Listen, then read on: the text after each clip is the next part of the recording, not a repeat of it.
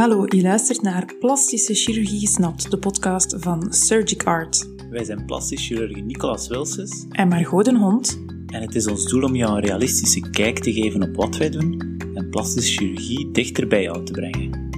Ikzelf ben Nicolas, ik werk in het Sint-Trudo ziekenhuis en in de Essence praktijk, beide gevestigd in Sint-Truiden. En ik ben Margot, ik werk in het ziekenhuis Oost-Limburg in Genk, Lanaken en Mazeik. Je kan ons vinden op Instagram en op Facebook onder de naam @artinsurgery, telkens met een puntje tussen, of op onze website www.plastischechirurgielimburg.be in één woord. Hier zijn we weer. Hoi, Fijn dat je meeluistert, dat je er weer bij bent. nummer 27 ondertussen. Jawel. Het kan al tellen. Vandaag gaan we aan de hand van enkele ja, korte punten en, en hopelijk een iets of wat gestructureerd overzicht jou proberen uitleggen waar je zoal op dient te letten als je je voorbereidt op een, chirurgische ingreep. Ja, dus vooral in de veronderstelling dat er al een, een beslissing is genomen dat er een bepaalde operatie gaat uitgevoerd worden. Dat kan op korte termijn, als er een urgente ingreep is, bijvoorbeeld er is een, een huidtumor, een melanoom en dat dient verwijderd te worden, of dat kan op een langere termijn, een geplande ingreep, kan ook een esthetische ingreep zijn. Wat onontbeerlijk is voor elke chirurgische ingreep, is een informed consent. En dat wil zeggen dat je geïnformeerd toestemt dat de ingreep doorgaat. In sommige gevallen dient dit schriftelijk op papier te gebeuren, in andere gevallen kan dat, kan dat mondeling tijdens de consultatie.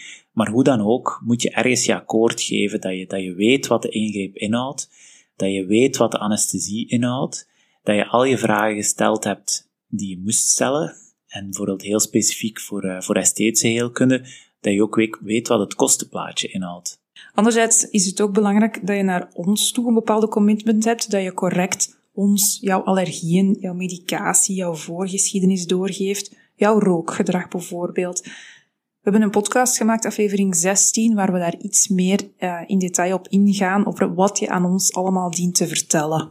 Bespreek ook best de ingreep op voorhand eens met je familie, met je naaste kring. Ja, zodanig dat iedereen een beetje op de hoogte is. Ook zeker in, indien je van hen een beetje verwacht dat zij jou in de postoperatieve periode wat gaan bijstaan.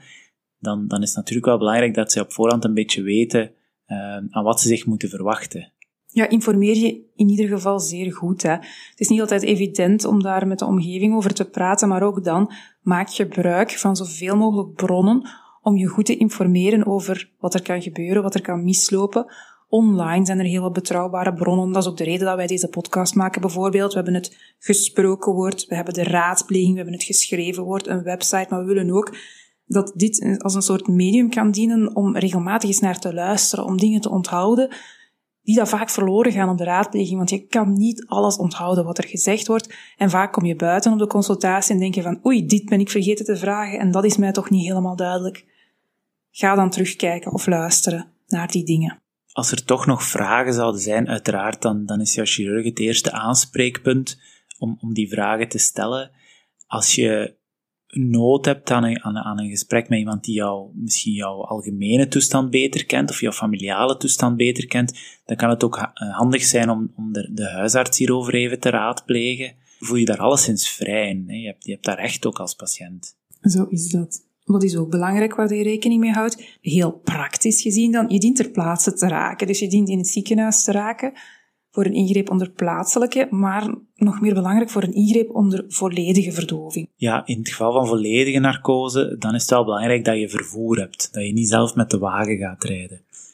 In geval van lokale verdoving is het een beetje afhankelijk van welk type ingreep het juist is. Als het een klein vlekje verwijderen is op de buik, ja, het spreekt voor zich dat je dan nog met de wagen kan rijden. Als we natuurlijk aan je oogleden gaan opereren, die kunnen nadien wat gezwollen zijn, dat, dan is het natuurlijk niet raadzaam om uh, met de wagen te rijden. Ja, en ook handen en voeten, dat zijn van die zones waar dat je moeilijk nog met de auto mee kan rijden. Zeker de dag van vandaag worden heel veel operaties in dagziekenhuissetting uitgevoerd. En dat gaat in de toekomst alleen nog maar toenemen, dus ook voor de volledige verdovingen. Daarom is het belangrijk dat je ook vervoer voorziet en dat je iemand ook hebt voor s'nachts bij te blijven, want na een verdoving, een algemene verdoving, mag je 24 uur niet alleen zijn. Nu, wat dien je thuis te regelen als, je een, als er een ingreep te wachten staat? um, het is handig als je voor de ingreep, voordat je naar het ziekenhuis komt, al voldoende boodschappen, voldoende inkopen hebt gedaan. En dat je, dat je niet met, met zware zakken moet gaan sleuren na een ingreep. In het verlengde daarvan is, is het ook soms handig om, om al maaltijden voor te bereiden en die in te vriezen. Um, probeer er dan een beetje op te letten dat, dat, dat, of rekening mee te houden dat je maag misschien niet helemaal in orde is na een ingreep onder, onder algemene narcose. En dat je misschien beter niet al te vette maaltijden um, bereidt. Verder kan het al handig zijn om, om je huis um, te poetsen, want na, na bepaalde operaties, bijvoorbeeld aan de borst of aan de buik, um, mag je verschillende weken niet, geen zware dingen doen. En, en, en, poetsen hoort daar ook bij. Dus wees daarop voorbereid. dat is misschien een moeilijke hè, voor, voor de vrouwen die thuiskomen en het werk zien liggen, maar dat is echt heel belangrijk om de instructies op te volgen. Ook voor de mannen. Excuseer. Ik was, ik was te veel uh, Nicolas aan het veralgemenen ver, um, met de volledige mannenpopulatie. Laten we hier afronden. Goed, de, de wonden moeten ook verzorgd worden, dus je zal in sommige gevallen ook wel een thuisverpleegster nodig hebben, of een thuisverpleger. Um, we kunnen je op voorhand wel een indicatie geven of het nodig zal zijn, maar het is nog niet altijd even duidelijk wat de wondzorg exact zal zijn. Dus daar moet je wel nog even op wachten tot na de ingreep, waar, want dan krijg je de papieren mee, dan krijg je een attest mee waarop duidelijk staat hoe de wondzorg dient te verlopen. Ja, inderdaad. Wat neem je mee naar het ziekenhuis? Uiteraard jouw identiteitspapieren, identiteitskaart, je lijst met medicatie, zo belangrijk. De anesthesist en de chirurg hebben dit op voorhand al met jou doorsproken, wat je wel en niet mag innemen, maar toch belangrijk om die mee te nemen. Kledij, het, is, handig om lossere kledij te dragen, het is gewoon handiger om aan en uit te doen. Voor sommige ingrepen heb je specifiek kledij nodig. Ik denk dan bijvoorbeeld aan een uh, sport BH wanneer we aan de borst opereren. Um, of bijvoorbeeld, ja, het kan handig zijn om na een ingreep aan de ogen een zonnebril bij te hebben. Zo van die zaken. Ja, en, en we willen misschien ook een oproep doen of een melding. We weten, mensen komen vaak op hun paasbest naar het ziekenhuis, naar de dokter. Maar zeker voor een ingreep onder plaatselijke verdoving, ja, er kan een beetje bloed um, of een beetje wondvocht, een beetje ontsmettingsmiddelen sijpelen. Dus trek jou daar gerust niks van aan. Wij vinden dat helemaal niet erg. Door dit te zeggen, proberen we vooral aan jouw comfort te denken. Dit is een, dit is een speciale situatie, dus trek gerust comfortabele kledij aan. En dan verder uh, kan het handig zijn om je papierwerk al bij te hebben. Sommige mutualiteiten of hospitalisatieverzekeringen zullen, zullen extra documentatie vragen. Vraag je het op voorhand al even na. Uh, het is handig als we dat op hetzelfde moment kunnen invullen. Inderdaad, vaak is er, wij, wij kunnen attesten meegeven, werkonbekwaamheidsattesten, um, de brief voor de huisarts, voor het ziekenfonds. Maar er zijn soms heel specifieke papieren gebonden aan de werkgever of aan het ziekenfonds die wij dienen in te vullen. Neem die mee. Dat gaat jou helpen om ze tijdig in te leveren. En dat is ook niet iets waar dat de huisarts dan mee moet lastiggevallen worden, bijvoorbeeld achteraf. En dan natuurlijk, ja, als, als er met jou is afgesproken dat je een nachtje zal verblijven in het ziekenhuis, wees hierop op voorbereid. neem je toiletzak mee, een slaaptenu mee. En sowieso, er gaan in het ziekenhuis momenten zijn dat je aan het wachten bent. Um, neem iets mee om de tijd te doden. Een goed boek, um, je telefoon, kruiswoordraadsels, maakt niet uit. Hiervoor heb je ja, eindelijk eens de tijd als je het ziekenhuis ligt. Inderdaad, wachten is helaas, wij zouden ook graag alles stipt op de klok en op de minuut timen, maar zoals dat je jezelf waarschijnlijk al wel iets bij kan voorstellen, je kan een operatie niet tot op de minuut of zelfs tot op het half uur soms timen. We zijn allemaal anders. Iedereen heeft een andere specifiek probleem dat dient opgelost te worden. Dus het is ook logisch dat er dan de ene keer gaat het al wat sneller dan gepland, de andere keer gaat het wat trager en, en vaak gaat er ook een, een, zekere marge gerekend worden, waarbij dat er gevraagd wordt om wat vroeger binnen te komen dan de eigenlijke operatie, om die tijdsverschillen op te vangen. Er zijn ook een paar dingen die je absoluut niet moet meenemen naar een ziekenhuis. Cashgeld bijvoorbeeld heb je absoluut niet nodig. Je juwelen, piercings laat je ook best gewoon thuis. Um, geen gelnagels op de dag van, van je ingreep. Dat heeft te maken met de zuurstofmeter die op je tenen of op je vingers wordt, wordt gezet en die een, een goed contact nodig heeft om, uh, om de juiste waarde aan te geven. En soms kan een gelnagel dat contact interfereren. Dus op tijd een afspraak maak je bij de schoonheidsspecialist. Hetzelfde geldt voor make-up. Zeker in de, in de zone waar we gaan opereren is het absoluut niet nodig en, en soms zelfs storend als je daar make-up draagt op de dag van de ingreep. Ja, niks van aantrekken. Gewoon fris gewassen naar het ziekenhuis komen. En wat je wel mee mag nemen, maar je wat uit moet gaan voor de ingreep, dat zijn je valse tanden en bijvoorbeeld een, eh, een bril of lenzen. De dag van de eigenlijke operatie, we die dus aanwezig te zijn in het ziekenhuis op het, afgesproken uur. Dat is meestal dus, zoals ik al zei, met een marge. Dat gaat wat vroeger zijn dan de eigenlijke operatie. Bij een operatie onder volledige verdoving dien je nuchter te zijn.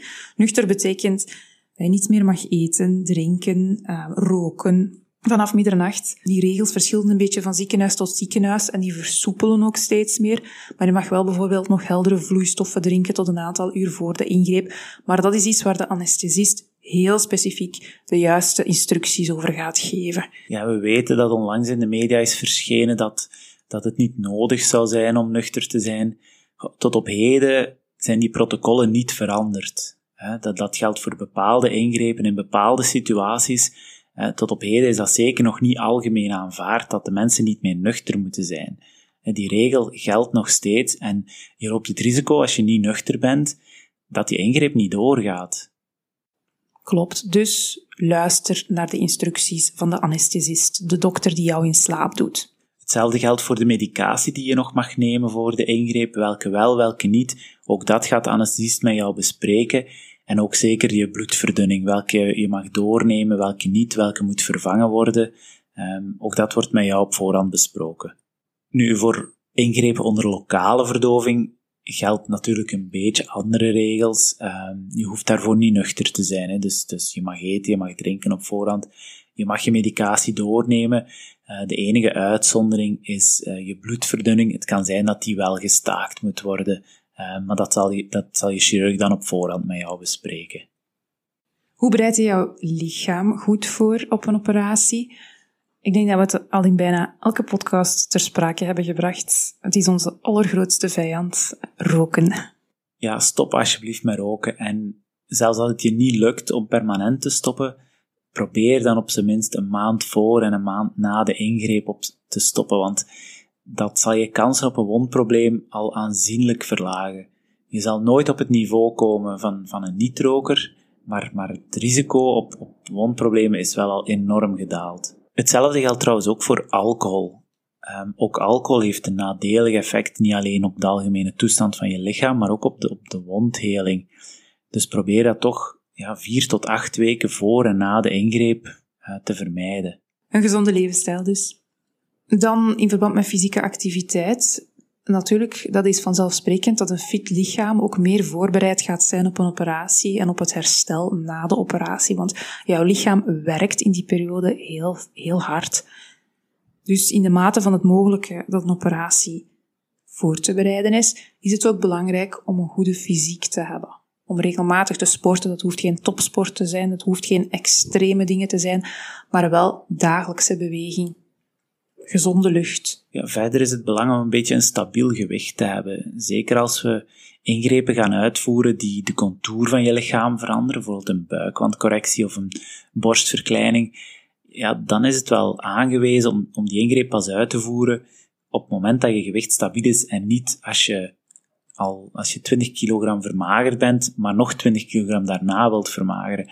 Want dan zal het, het resultaat suboptimaal zijn. En, en ja, dat, dat zou natuurlijk heel spijtig zijn. Yes, inderdaad.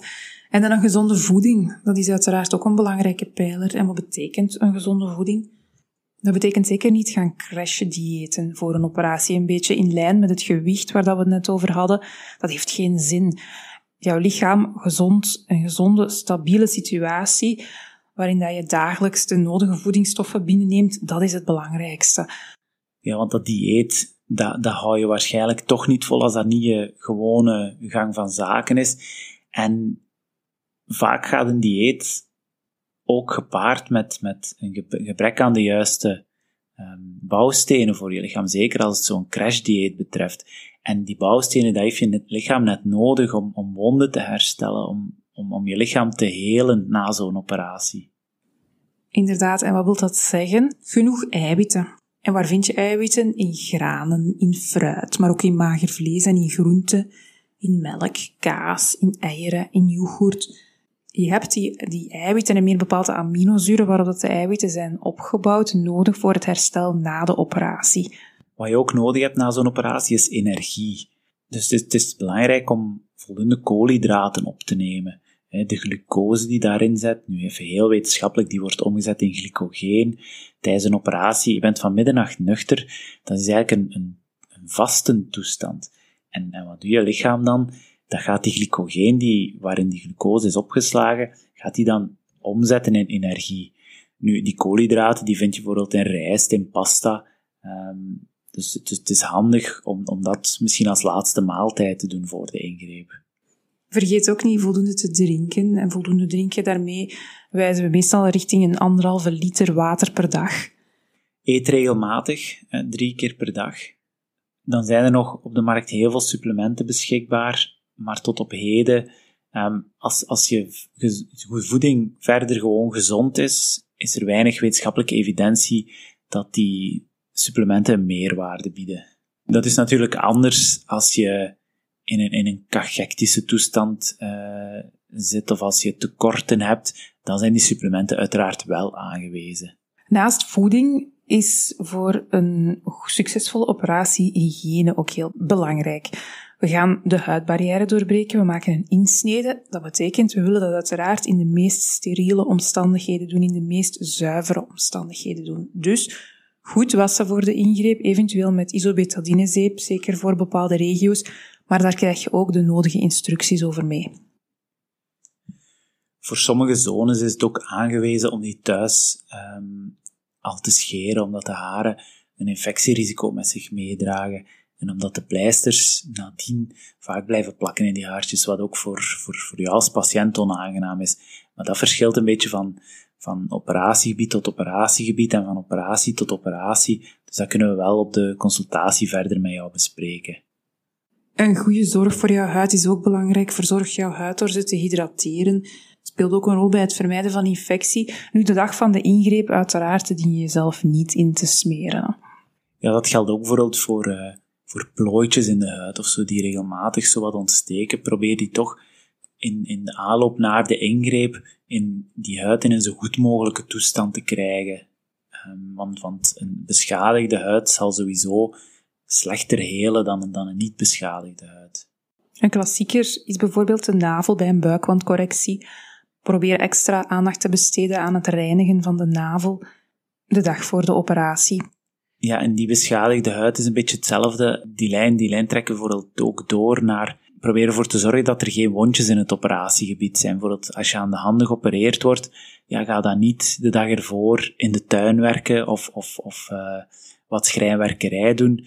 Want ja, dan loop je het risico op, op, op wonden aan die handen en, en dat geeft dan weer een risico op postoperatieve infecties. Wat ons ook kan helpen is als wij een bepaalde heel specifieke zone gaan opereren, bijvoorbeeld ergens een, een vlekje, een bolletje gaan wegnemen, dat je dat op voorhand al aanduidt met een pen. Een kruisje zet. Uiteraard gaan wij de dag van de operatie, voor de operatie met jou, nog eens na wat we juist gaan opereren, waar, en zetten wij al een pijltje of een kruisje in die zone. En dan misschien ook belangrijk, als je ziek bent, verwittig ons. Niet zomaar naar het ziekenhuis komen omdat je zo lang gewacht hebt op, die, op een ingreep en, en dan net die dag ziek bent en dat je het risico toch wilt nemen. Doe dat niet. Um, niet, niet voor jezelf als patiënt, want, want je risico's om in slaap te gaan zijn veel hoger, je risico op wondproblemen zijn veel hoger, maar ook bijvoorbeeld naar, naar besmettingsgevaar van, van zieke mensen in een ziekenhuis toe. Uh, probeer daar toch rekening mee te houden. Hebben we ze gehad? Ik denk het wel, maar vermoedelijk komen er uh, via de DM's toch nog wel een paar binnen. Tuurlijk. Maar ik denk dat we toch al wel een aantal dingen goed hebben kunnen bespreken. Moesten er toch nog vragen zijn, stel ze. Dat is het enige dat we kunnen zeggen. Stel ze, blijf er niet mee zitten. Um, want dan ben jij niet gelukkig en in het verlengde daarvan zijn wij niet gelukkig. Dus vragen stellen. Dankjewel voor het luisteren. Tot de volgende. Dankjewel.